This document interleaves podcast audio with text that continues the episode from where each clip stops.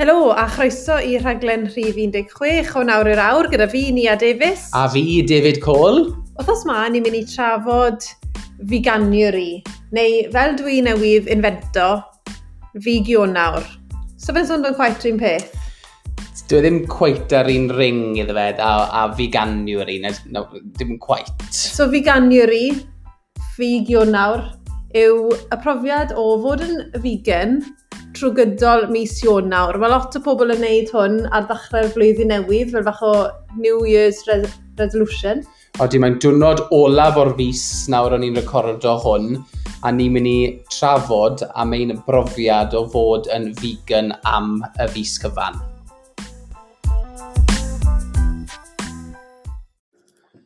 Dechreuwn ni off, Denia, um, i ti esbonio wrthon ni pam penderfyno ni i mynd am y challenge ma? Wel, mae doi reswm, really. I ni fel arfer bob blwyddyn yn troi mewn i llysiewyr am y cyfan o mis nawr fel bach o New Year's Resolution. Ni fel arfer yn teimlo eitha drwm, eitha slygis ar ôl nadolig, wedi bita lot o bwyd rich, wedi byta lot fawr o cig, wedi byta lot fawr o pwdin, siocled a caws yn enwedig. A ni wastad yn licio dechrau'r flwyddyn off trwy troi mewn i llysieiwyr am, am fus. A fel arfer, ni'n cadw hwnna i fynd wedyn trwy'r flwyddyn. Mwy aml na beido, ni ddim yn bita cig rhwng dydd llun a dydd ioi. Mm. A wedyn byddwn ni'n bita bach o cig a pysgod ar y penwthnos. Hwna'n cymeru fi do, sori jwmpo mewn yn anis. ar New Year's Eve. A o'n i wedi penderfynu, o'n i draw yn tîn rieni, a o'n i wedi penderfynu, reit, mae ma vegan nawr, mynd i dechrau o New Year's Day ymlaen. A oedd i tua 11 y nos. A ni wedi, reit Denise, mae awr ar ôl dyn ni, Fi wedi ffili cael dim o'r chocolates ma, dim o'r caws ma sef ydy'r lle. Pigo o flan o'r gegid, na, byddwn ni'n ffili cael hwnna, byddwn ni'n ffili cael hwnna. Crisps, na, byddwn ni'n ffili cael reina. So, o'n i ar countdown yma awr diwetha o faint o choclet a caws a pob fath o rwtsh o'n i gallu bita a pan dath tia, well, pan dath midnight, e, na ni i fe. O'n i'n fforso, cwan i'n beth o'n chocolate, ti'n ffili bita fe mis arall, so gyda ni bach o sport i fi'n sif, dyma. Dwi'n cofio, wedi tua chwech munud i canol nos, a o'n i'n eistedd ar y soffa, eitha llawn blynedig, a wedi ti yn, basically, yn spoon o caws mewn i ceg fi a gweud, come on ia, so ti wedi bita hwnna mis arall. A fel luxury box o chocolate o da e mam, o'n i fel, o, oh, mae'n rhaid y tasto mor god, o'n i stuffed to the Ond beth eisiau ni na, gwybod? Dos Dros bedestri as usual. Cym, da fi nôl i'r pethau na yn y funud, ond yr, ail reswm penderfynon ni wneud e, oedd fel syniad fi oedd e, mm. achos i ni wedi darganfod ers i Harry dechrau bita bwyd, bod e'n allergic i wyau a llath. Mm. Gan bod fi dal yn bwydo Harry o'r fron, oedd e'n cael reactions bach pan mwyn i'n bita'r pethau yma. Felly wedes i wrth David un e noswaith yn gwely, ti'n mwyn usually mynd yn veggie ym mis Ionawr, fi'n mynd i mynd yn vegan. A wrth e, o, oh, right, oce, okay. joina i di. Bwrodd i fi fel bach o sioc i bod onest ydi, achos fi'n meddwl joies i'r profiad mas draw o fod yn, yn, llys, yn llyseiwr de. Yeah. Ffindies ddim hwnna mor anodd a ni, ond mae'r step o lan i fod yn vegan, oedd e'n mynd i fod yn tipyn o beth. So pan wedodd ni a, ni fel, wel, fi'n mynd i mynd i mae dim ond y deg, fi'n neud y da hi. Mm. So, o'n i lan am, lan am y herde. Achos, un peth sy'n bryng iawn gyda ni, David, yw amser. Mm. A pan o'n i'n gorffa wneud bwyd un pryd i Harry, bwyd arall i ni, oedd e ddim yn, oedd e ddim yn helpu ni o ran safio amser, ond hefyd, o'n i'n stryglan i ffeindio mas yn gwmwys beth oedd Harry hmm. yn ymateb i a beth oedd e ddim. Oedd e ddim yn deg ar, arno Harry bod fyd bod e'n dechrau fel dod mewn i profiad yn mynd i cael lot o fwydydd a o ti a fi fel yn bita bwyd ond ffili siario'r profiad gyda fe chwaith. Ie, yeah, ie. Yeah. A mae fe'n ffordd fyd o'n i wedi siarad gweud, wel, os mae Harry mynd i fod yn dairy intolerant neu, so ni'n gwybod, gobeithio tydd, tydd fydd e mas o fe, ni, mm. ffindio ni mas, fi'n siŵr, cyn bo hir gobeithio, ond mae fe'n ffordd i gweld siwt bydde fi a ni yn goffod falle adapto ein hunain yn y dyfodol o fod potentially yn vegans neu byta lot llai o deri yn y tŷ. Ie. Yeah. So, so na sio daffod y rownd. Ie. Yeah. Oedd um, ni'n bles i weid bod hwnna, o ran ochr Harry, mae wedi bod yn llwyddiant. Oh, enfawr. Mae, oedd e'n dioddef mael gyda eczema a mae gronau wedi clirio lan yn llwyr. Felly, mae wedi bod o'r safbwynt oh. Harry, i ni cael gorffen y stori na nawr, mae wedi bod yn llwyddiant arbennig, a mae wedi bod yn lyflu i fod gallu rannu'n bwyd ni gyda fe. Mae fe yn sicr wedi joio mas draw. Sim dowt y biti ni, a mae fe'n bita, mae fe fel pelen bach mae dyn ni ar yn y bryd. So, tynnu Harry mas o'r equation yeah. nawr. Yeah. Sio, mae fe wedi mynd y tŷ, da David? Mae fe wedi bod yn anodd mae fe wedi bod yn anodd i fi. Sa'n mynd i eistedd yma'n gweud, o, fi wedi joio pob eiliad y fe, a gweud celwy, o, fi wedi joio pob dydd. Fi wedi ffindio fe yn lot fwy anodd na pan testwn ni mas a fod yn just yn llyseiwr. Na'r peth cyntaf i fi ma'n gweud. Beth ydy ti? Y gair cyntaf sy'n dod mewn i pen fi yw anodd. Ie, yeah, okay. Mae fod yn llysieiwr yn un peth, tynnu mas cig a pysgod, ond i fod yn vegan, mae'n gwahanol stori yn llwyr. Mae rhaid i chi darllen label popeth. Mae siw gwmynt o pethau yn cynnwys llath a wyau credech chi byth nes bod chi wedi bod yn llysieuwr eich hunan, neu'n e fod yn vegan eich hunan. Fi'n meddwl y beth gyntaf, tra yw amser i fynd i siopa a dechrau off sim popeth gyda label vegan yn y ge.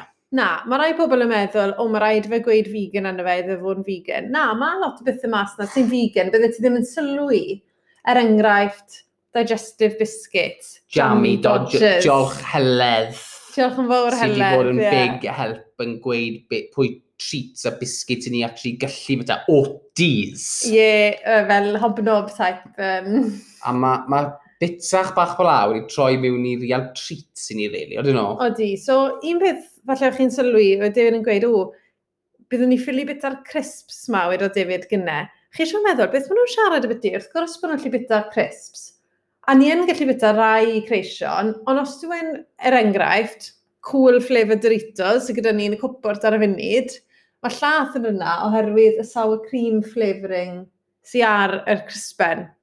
So, Ni wedi bod yn really strict. Os oes llath neu wyen mentioned ar label, so, i ni heb bita fe. No, so ni wedi cheto o gwbl. Na dyn. Fi'n cael gweud, siarad am ti crisps na, na beth yw ffefryd bwyd ni a yw creision. Ie. Yeah. Mae'n ffer, ydy? Ydy. A sa'n i gweld ti niblan braidd dim crisps mis yma? Na. So mae hwnna wedi bod yn... Ti'n bod, ti, ma, ti o creision wedi torri lawr drastically. Oh.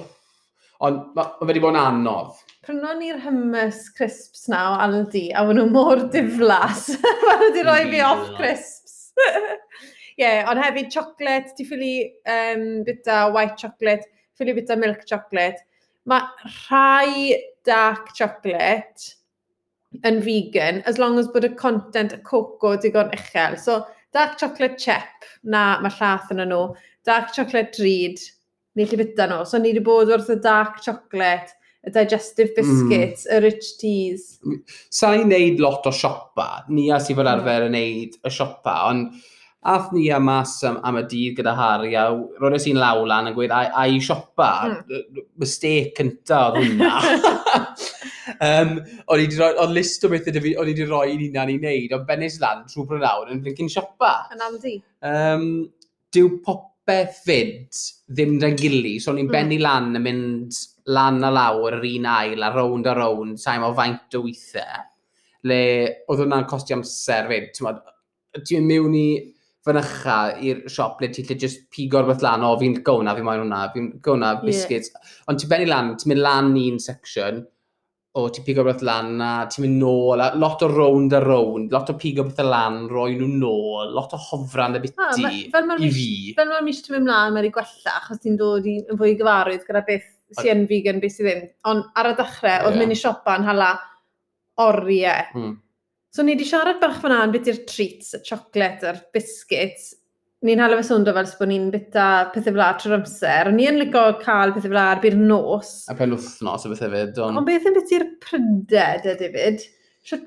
Ti fel arfer, ni gyd yn gwybod porridge. Ti'n licio cod yn y bore a cael porridge. So ti'n mwyn esbonio ni sio ti di um, ymdopi gyda newid o iwso llath buwch yeah. i llath vegan, a falle'r gwahaniaethau rhwng y gwahanol llath? Yeah, so un beth gofyn siw mae wedi bod, fi wedi dysgu lot fawr. Yn enwedig y biti faint o protein, calories, fat, etc. sydd yn y wahanol fathau o lath. So, llath normal, mas o'r cwestiwn, ond y peth agosa o ran y protein yw soia. Mm. Ond mae rai gweud, dyw blas soia i fi yn bersonol ddim y gorau. Sa'n rhi cyn yn y ge. Ond mae'r rhan faint o protein yn soia, yn sweetened neu sweetened, a beth sydd yn llath, llath normal.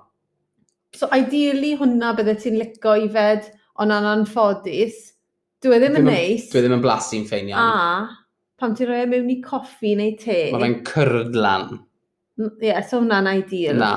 So, fi wedi bod yn defnyddio soia, to, sa cut, fi yn hanner amser yn cael soia milk. Yeah.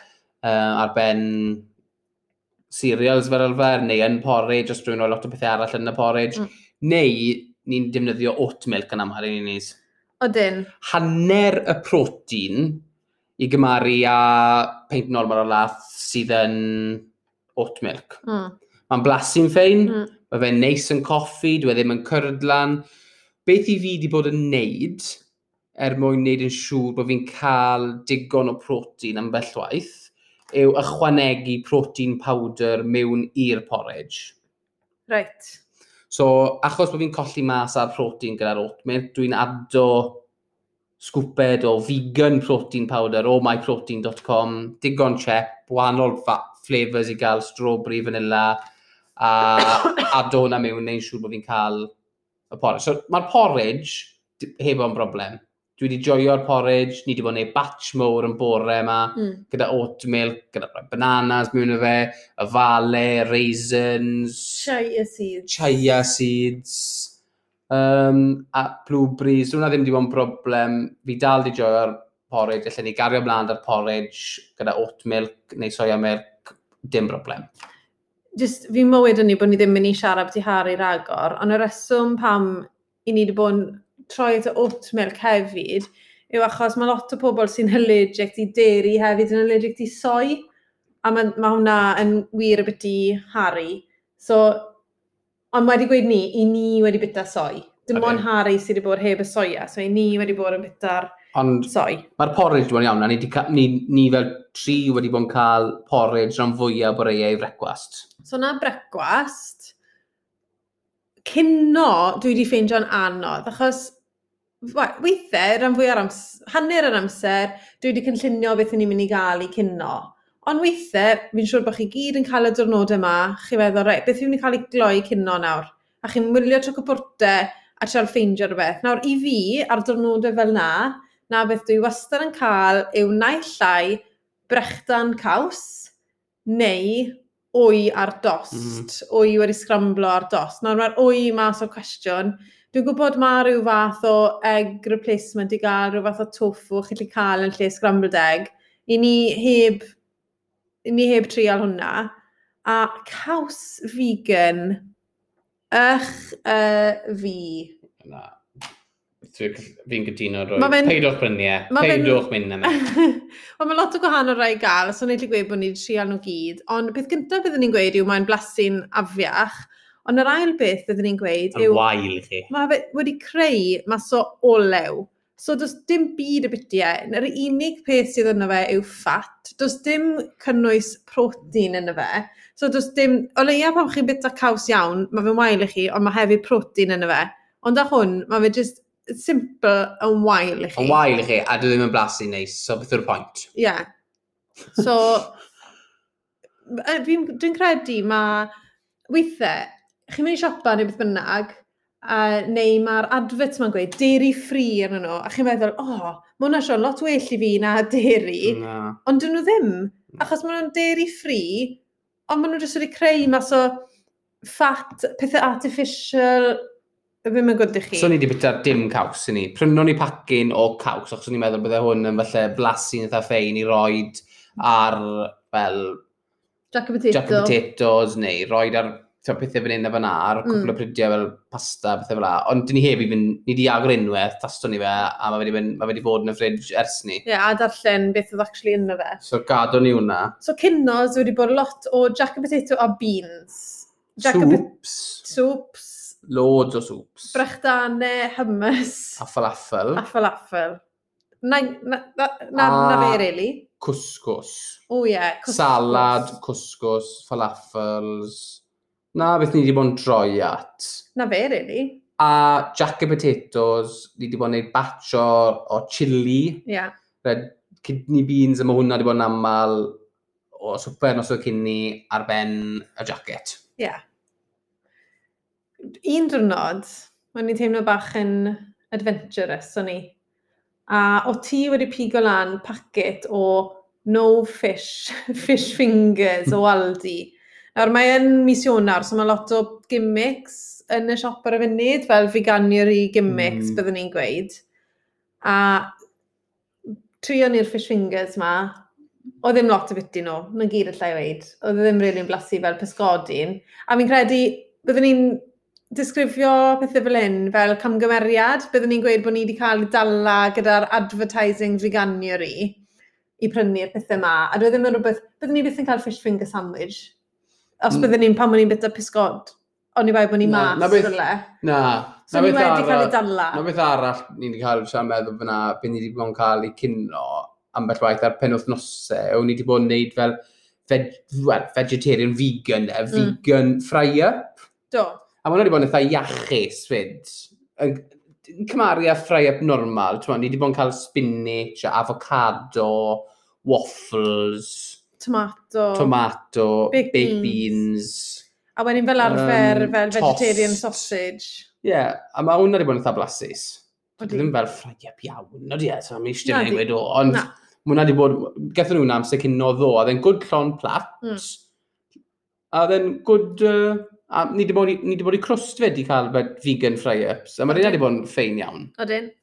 A erbyn nos da, David, prydau erbyn nos. Beth yw dy hoff bryd ti erbyn nos wedi bod? Um, curry yw'r peth gyntaf sy'n dod mewn meddwl fi. Curry... Wel, mae curries ni wedi bod yn gwneud yn, yn y gorffennol, ni wedi gallu adapto i fod yn vegan. So, er enghraifft, curry gyda broccoli, cauliflower a chickpea wedi bod yn un o'r ffefrynnau. Un peth sy'n wych yw mae coconut milk yn vegan. Felly, a mae lot o recipes curry gyda coconut milk. So, hwnna sydd wedi bod gorau, a mas o'r curries na i gyd, treulies i un prynhawn yn gweithio curry o scratch mas o'r llyfr recipe Bosch, um, coma oedd e, a oedd yr, yr saws wedi greu mas o cnau a coconut milk a oedd hwnna yn really ffein, ond halodd e oriau i fi wneud. Hwnna oedd y pryd gorau gethon ni yn, yn mis Ionawr, oedd e'n bendigedig, a rai gweud, ond cymerodd e lot o amser, lot o wahanol ingredients, um, ond byddwn ni ddim wedi cael cyrru mor ffein a nain mas unrhyw nesaf, meddwl ni. O, diolch David. A peth arall byddwn ni'n gweud fydd hefyd, oedd e'n gostlus. So os ydych chi'n meddwl, os, os chi'n gwneud cyrru fel arfer, os ydych chi'n moyn, gallwch chi jyst mynd a prynu jar o curry sauce, neu prynu jar o curry paste a chymod, neud eich hunan. Ond fan hyn, oedd rhaid chi wneud popeth o scratch, so fydd eisiau'r cynhwysion i gyd, oedd eisiau'r er spices i gyd arnoch chi, y garlleg, y winons, y ginger, y lemon grass, yr cynnau i gyd. So oedd hwnna, oedd e'n ddrud a, a cymeriad amser, ond oedd y canlyniad yn ffein. Un o'r hoff, hoff prydiau fi, mae'n eitha syml, ond lentils, lentil ragw. Fi'n meddwl, ti. Hwna yw, falle, yn hoff bryd i, falle, vegan. Mae fe'n eitha syml, just, mae lentils wedi bod yn big thing yma, dros, dros y mis, lentils coch, a chopped tomatoes, fel alternative, fel spaghetti bolognese, mm. yw e, e really. A, fi'n gweld yn ffeinach na bolognese iawn i bod onest. Fi di, fi di really joio fe pasta. Fi'n edrych mlaen i'r pryd na, ni di bod yn cael hwnna'n wythnosol. Siarad beth i spaghetti bolognese, un peth oedd wedi syni fi yw bod corn mince ddim yn vegan, mae oi yn y fe. A i gwir y gwir, byddwn ni wedi... O'n i bai bod fi'n checo with mm. soi yn y fe ni beidio, byddwn ni wedi prynu'r corn na. Um, so, mae'n gofyn i chi fod yn ofalus. Hyd yn oed y pethau yn y vegetarian section, dyn nhw ddim Dim... wastad yn vegan. Beth, ie, yeah, mae'r ma, ma, ma lent, lentil rygw, oedd hwnna'n big... Um... Do, a gathon ni lentil chili, dwi wedi cael lentil cottage pie, dwi'n real fan fawr o'r lentils fel yn lle minst. E. Ie, yeah, cytuno. Mae'n bod yn really nice. Um, beth ti wedi gweld eisiau fwyad o David? fi wedi gweld eisiau y deri yn fwy na'r cig a'r pysgod i fi bersonol. Um, fi wedi gweld eisiau caws a wyau, fel wedys di, fel mm. dwi'n joio scrambled eggs. Mm -hmm. Fi wedi gweld eisiau hwnna. Fi, mae blas soia fi'n teimlo yn popeth, yn y iogurt, yn y llath. Um, a mae hwnna just, fi jyst yn blasu soia bob man, a hwnna'r peth fi di sylwi ar eitha tipyn o, ti'n modd? Y ddoi o ni yn byta tipyn o iogurt yeah. um, cyn hwn. Sa'n actually licio llath, so yn aml byddwn ni'n rhoi iogurt y ben cereal, y ben granola, ond mae'r iogurt vegan, chi either gallu cael soy iogurt, fel mae'r blueberry iogurt na di wneud mas o soy, neu chi'n gallu cael coconut iogurt. Mae Harry wedi bod beth hwnna, ie. Ie, a byddwch chi'n meddwl, bod yn blasu'n ffein, ond dwi e ddim, mae fe'n deddol o separato ar ôl dwrnod neu ddoi. Um, a troi mi'n eitha dwrllid, eto, mae fe jyst wedi cael ei gwneud mas o coconut oil, so, so dwi e ddim yn dda iawn i chi chwaith. So... Y peth arall fi wedi gweld eisiau yw llath ar y degau, yn enwedig pan fi wedi bod yn y swyddfa yn, yn gwaith, lle fi wedi goffo bod lot fwy drefnus o ran mynd a carton o llath soia neu llath o't i'r office. Um, a mae hwnna wedi bod yn eitha boen yn bell waith. Os dwi'n rwsian yn mynd i gwaith, fi wedi ngofio mm. llath, wel, saill y cael cereal fi am, am un ar ddeg, neu saill y cael, fi goffo cael coffi neu te di. A mae hwnna wedi bod yn beth arall. Bod, yr, angaf, yr anghyfleistra, de. Mae wedi bod yn anghyfleis, yn enwedig pam ni wedi bod mas yn byth'r lle, byddwn ni'n hmm. gweud. Mm. Athon ni Gardydd ar dechrau'r mis, a oedd hwnna ddim yn broblem o gwbl, oherwydd, fel ych chi'n gwybod, prif ddinas, unrhyw beth ych chi moyn mae fe gael na. So, athon ni Wagamamas, a athon ni Pizza Express, oedd y ddoi lle yma yn neud vegan menu cyfan. A wedi'n wych yn oedd e. Oedd e'n briliant. Joyous i Wagamamas mas draw.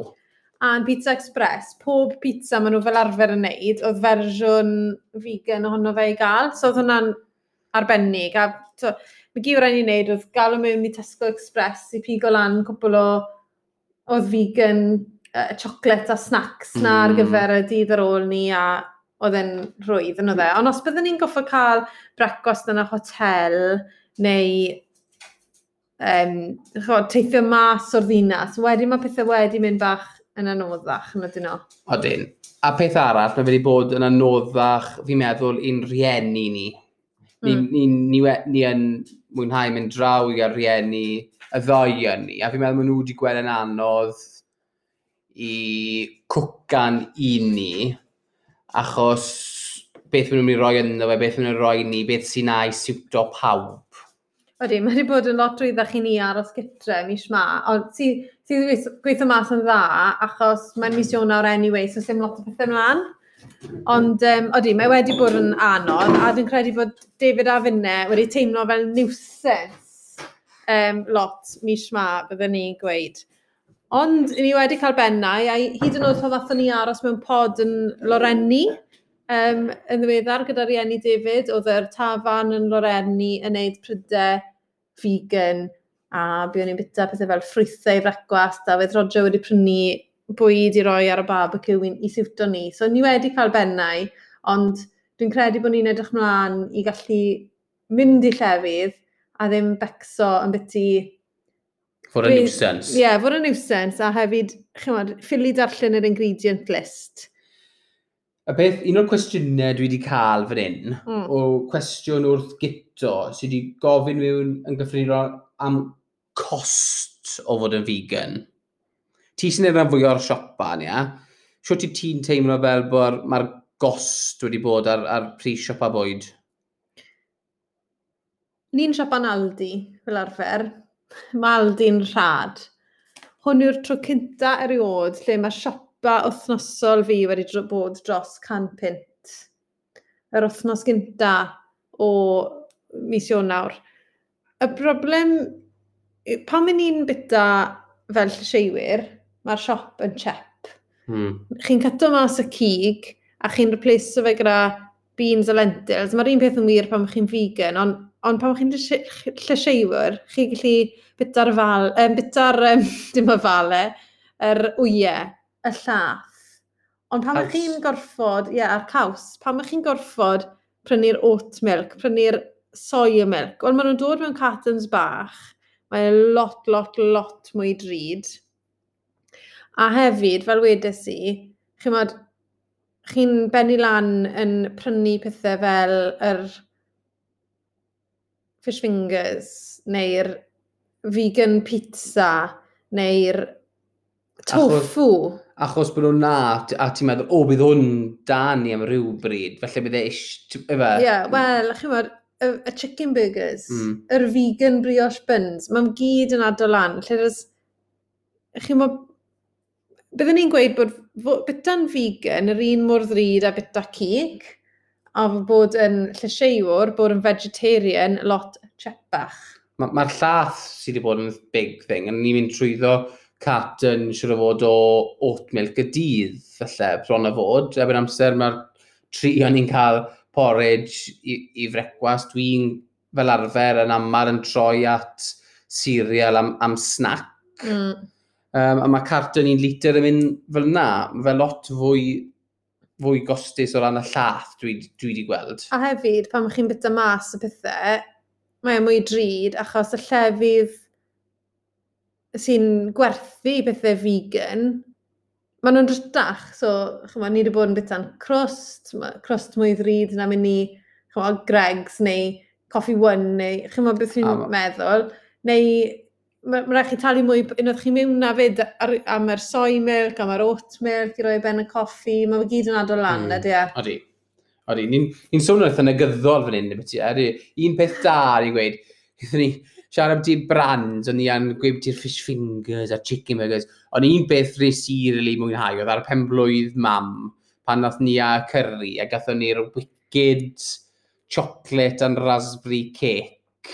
Oedd yna'n really ffein, a byddwn ni'n prynu hwnna to, i fy'n ar ôl i fi gannu i fod drosto. Oedd ddim byd y bod ar hwnna. Na, wedd. Oedd yna'n good birthday cake. Os ych chi moyn bita bwyd vegan, a chi'n mynd i Tesco's, ewch i wylio am y brand Wicked oherwydd maen nhw'n neud stwff really ffein. A'r dydd Santes Dwynwen, prynes di, um, wel... Cauliflower Katsu. Cauliflower Katsu Curry o'r brand Wicked, fyd. Ond eto, mae'r ma, ma brand Wicked, Shop Tesco, mwy ddrud, ydy. Ond oedd y cake werthau, e, definitely siarad beth i cakes, ni wedi bod yn cwcan lot o cycynnau fyd yn dyn ni. A, a cakes ffein fyd. Ni wedi gwneud banana cake. Do. Ni wedi gwneud blueberry and lemon cake. Um, granola bars. Mas o cnoi a hadau. Porridge bars. Do. A mae'r reina wedi bod yn um, defnyddiol iawn ni fel snacks. A mae'r cycynnau yma ar y cyfan yn fwy iachus, dwi'n meddwl, na bita Wel, pys o Victoria Sponge er enghraifft. So ni wedi bita, oedd fi wedi teimlo, so ni wedi bita snacks gwael yn gyffredinol dros Ionar. Er enghraifft ddo, o'n i siarad ni a cyn fan hyn, a byddwn ni, ddo oedd ni cwrdd â ffrindiau, oedd ni ar y traff, oedd ni am coffi wedyn ar ôl ni. Fel arfer, fyddwn ni wedi cael, bod di sydd, oedd ni cael cacau mach da'r coffi neu biscuit neu rhywbeth, ond oedd ddim opsiwn i gael na. So, dim ond coffi wedi'i Rhyn beth wedyn, draw i ti rieni ti, neu ti rieni fi, Mynd i gael coffi, felly biscuit, neu chi moyn chocolate. Eto ddo, ond ni ffili cael y chocolate neu'r biscuit, so dim ond coffi wedi. So, cyto lawr ar y snacks a'r treats wedi bod yn big thing. Ni wedi siarad y beth i'r bwyd yn gyffredinol, David, ond y cwestiwn mawr i ni wedi cael ar Instagram, wel, wrth ni am yleri, wrth Fion, yw beth yw'r gwahaniaeth mae bita bwyd vegan wedi wneud i'r perfformiad ni fel treiathletwyr os o gwbl? Tio, mi dechrau fyna, sa i wedi gweld, i fod, rhaid i fod yn onest, a sa i wedi gweld bod e'n gwneud dim gwaniaeth i fi. Wyn ni'n byta lot o ffrwythau a veg a bethau fel ta beth, o'n i bai am mis rhagfyr le, le chi'n byta lot fwy o bwydydd rich. Mae diets y ddoi o'n ni'n gyffredinol yn dda. Ni yn byta drwng di llun a dyddiau di Gwener, ni'n byta lot o... Bwyd iach. Bwyd iach. Ni yn cael dros, dros pimp yn rhwydd veg neu, neu ffrwyth y dydd. Mae hwnna wedi mynd lan yn, yn mis ma, ond o'n i ddim yn byta'n gwael. So, so i wedi mynd o un extrem i'r llall. Na. Um, sai yn teimlo bod wedi gwneud dim gwahaniaeth i'n berfformiad i yn bersonol. Sa'n teimlo fel bod fwy o egni dy fi. Na. Um, sa'n teimlo fel bod fi'n cysgu'n well. Mae babi um, babi wyth mis oed yeah, fi, so chymod. Ond, sim... Un beth falle mae wedi wedi gweud wneud i fi, fi, fi yn un sy'n tueddol o cael cold sores a ulcers, sa'i wedi cael dim un o'r reina yn Ionawr. Um, dwi yn teimlo, sa'n mynd i mewn i busnes y pwysau yma fan hyn nawr, ond um, dwi yn teimlo fel bod fi wedi colli bach, colli pwysau yn haws, um, na beth bydden ni felly os bydden ni wedi bod ar just diet normal. Um, ond er gweud ni, fydden ni siŵr wedi colli pwysau ta beth, achos chymod, nadolig wedi bod a mae Ion nawr yn mis le mae'r fwy o bobl yn golli bwysau yn any case. Os i fi ateb y cwestiwn ma, um, sa'i wedi gweld dim gwellhad yn perfformiad fi, diolch i fod yn vegan, a dwi'n credu falle bod perfformiad fi wedi bod tymed bach yn wath i gweud y gwir mm. chi. Mhm. Dim achos y bwyd vegan dwi wedi bod yn bita, ond achos ffaint o fwyd dwi wedi bod yn fita, mm. mae Wel, allai gweud wrthych chi yn rhwydd, sa'i di bethau digon o protein. Number one, achos sa'n licio llath, sa'n licio llath buwch, sa'n licio llath oat milk, etc. So, sy'n byd y fi lot i roi vegan protein powder mewn i. Sa'n licio yogurt vegan, sa'i di bod yn bita fe. So mae protein yn tic fi lawr, ond mae calories fi wedi bod lawr fyd, achos bod fi ddim wedi bod yn snaco gymaint. Chymod, achos falle bod, bod fi ddim yn gwybod beth i cael bai fi yw e, fi'n gwybod, a mae digon o options mas na, am pethau gallen ni wedi bod yn bita, ond y ffaith yw, dwi wedi bod yn bita llai, mm. felly mae'n perfformiad i lawr. A byddwn ni'n suggesto, David, fi mae wedys di ddim hwn yn ateb ti, ond nathon ni ras di sadwn, mm. a yn ystod y ras, wedys di, mae coesau fi'n wag, sa'i ma beth sy'n bod, ond sy'n egni gyda fi.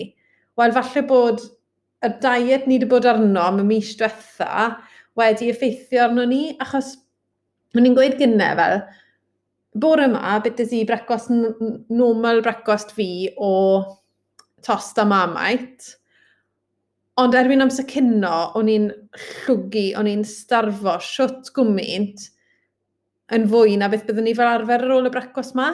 A dwi'n meddwl bod y cumulative effect o'r bita llai dydd ar ôl dydd ar ôl dydd mm. yn cymeryd y mas, o hwnna i yn bersonol. Mae hwnna'n pwynt da iawn. Fi'n meddwl... O ti heb meddwl am na, o ti? Na, fi, o'n i'n meddwl edrych nôl i pan nes i ras cynta, le enillus i hwnna, a oedd lot o egni da fi. O'n i'n bita fel cawr yn rhagfyr. Oedd lot o egni da fi. O'n i'n bach yn drwmach, ond oedd digonedd egni da fi. Um, Wen i'n teimlo'n fflat di sadwn, oedd y coesau'n wag, a gallwn nhw lawr i lot o'r symud. Fi yn ymarfer lot fwy yn Ionar, a, a nes i ddim cael tipper na dwi fel la. Ond fi'n meddwl falle wedd y ffaith bod fi heb, bod fi ddim yn cael cymaint o calories.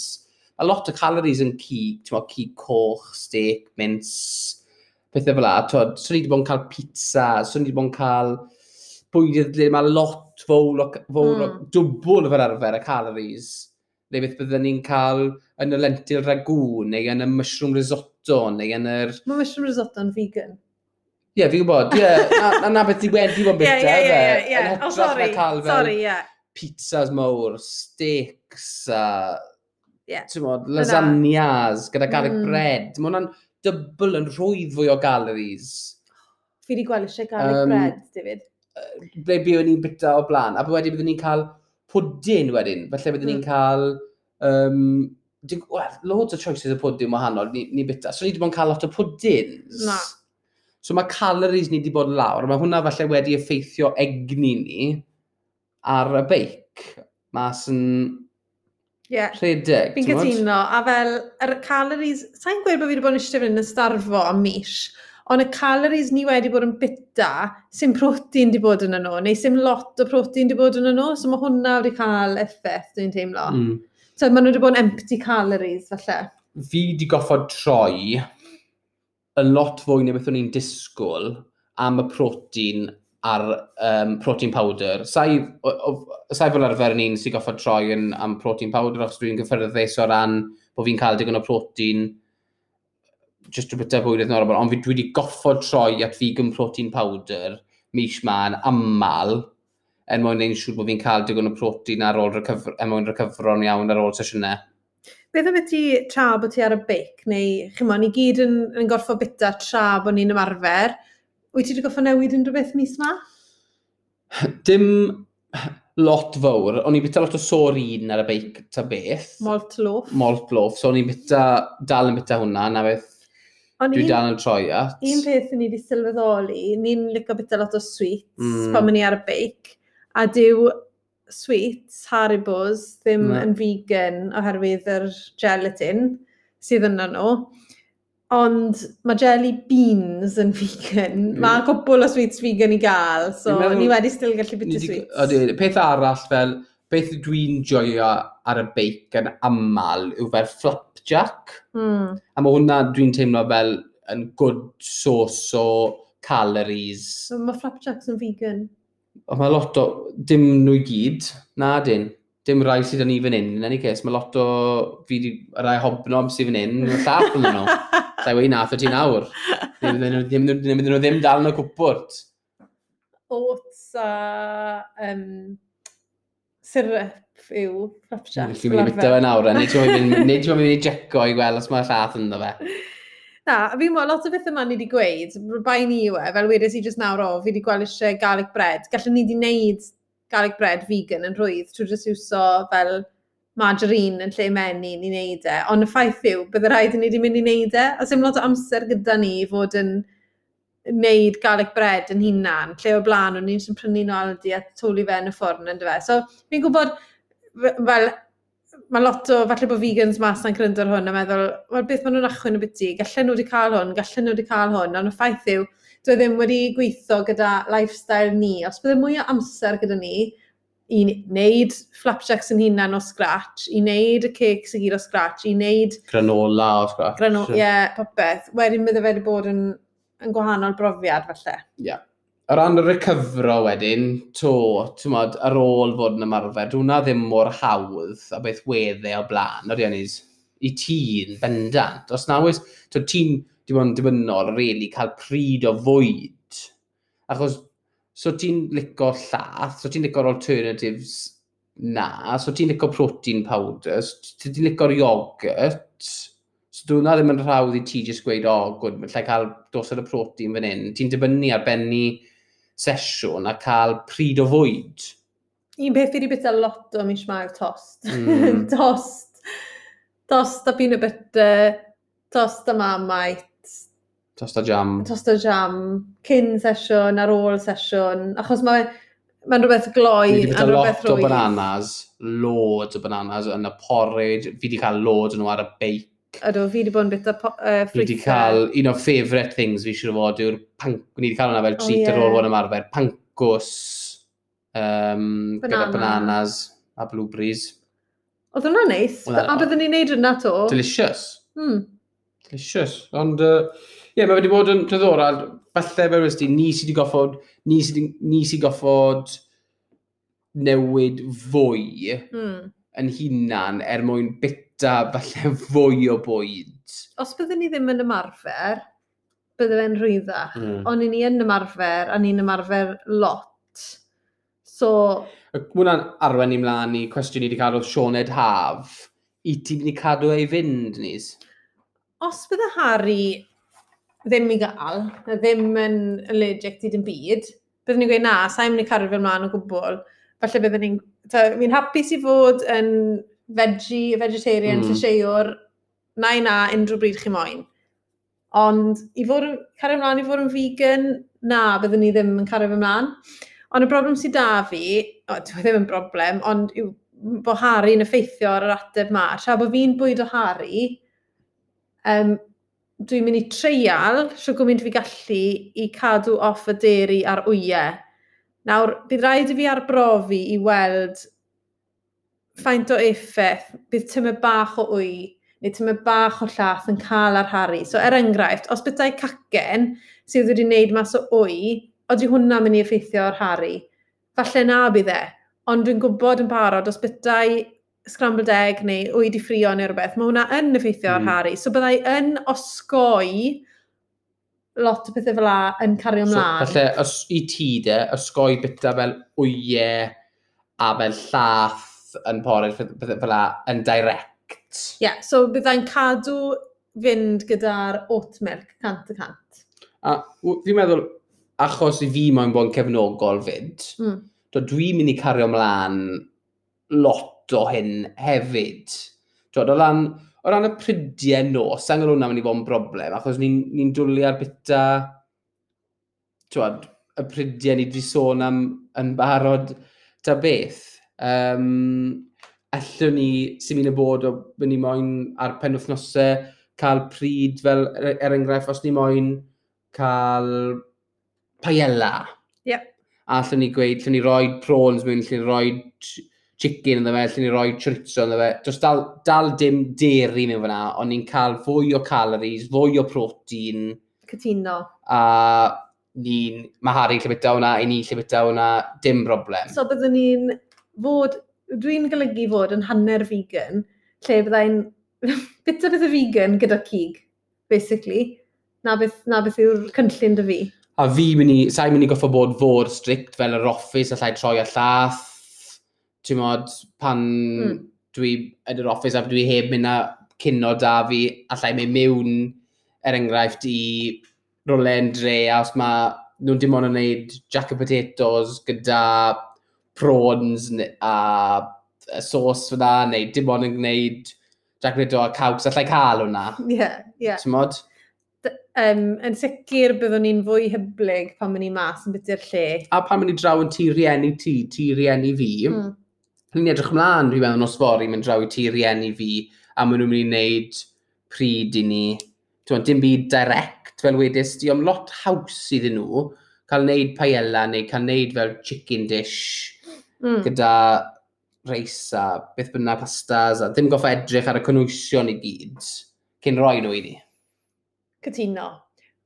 Er falle bod y sgwrs yma ddim wedi bod yn hynod y positif am y byd vegan. Dwi mor, mor falch bod ni wedi wneud yr arbrawf ma mm. dros y mis dytha.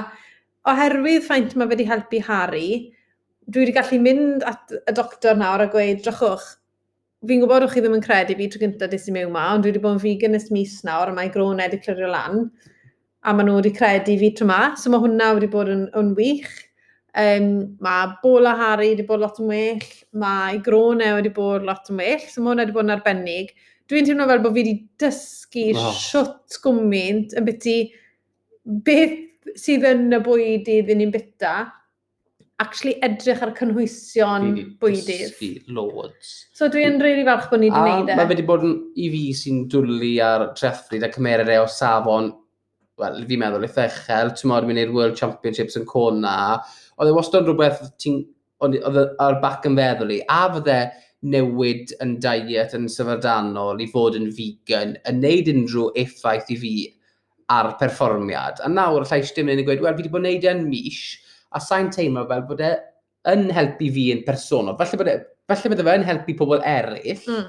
ond i fi, wen, wen i, allai edrych nôl a gweud, wyn i yn cael digon o ffrwythau, wyn i yn cael digon o, o llysiau um, cyn troi, troi yn vegan. So allai jyst mynd nôl i cael y balans na a ddim goffo fod yn vegan er mwyn cael y llysiau a'r ffrwythau a mewn.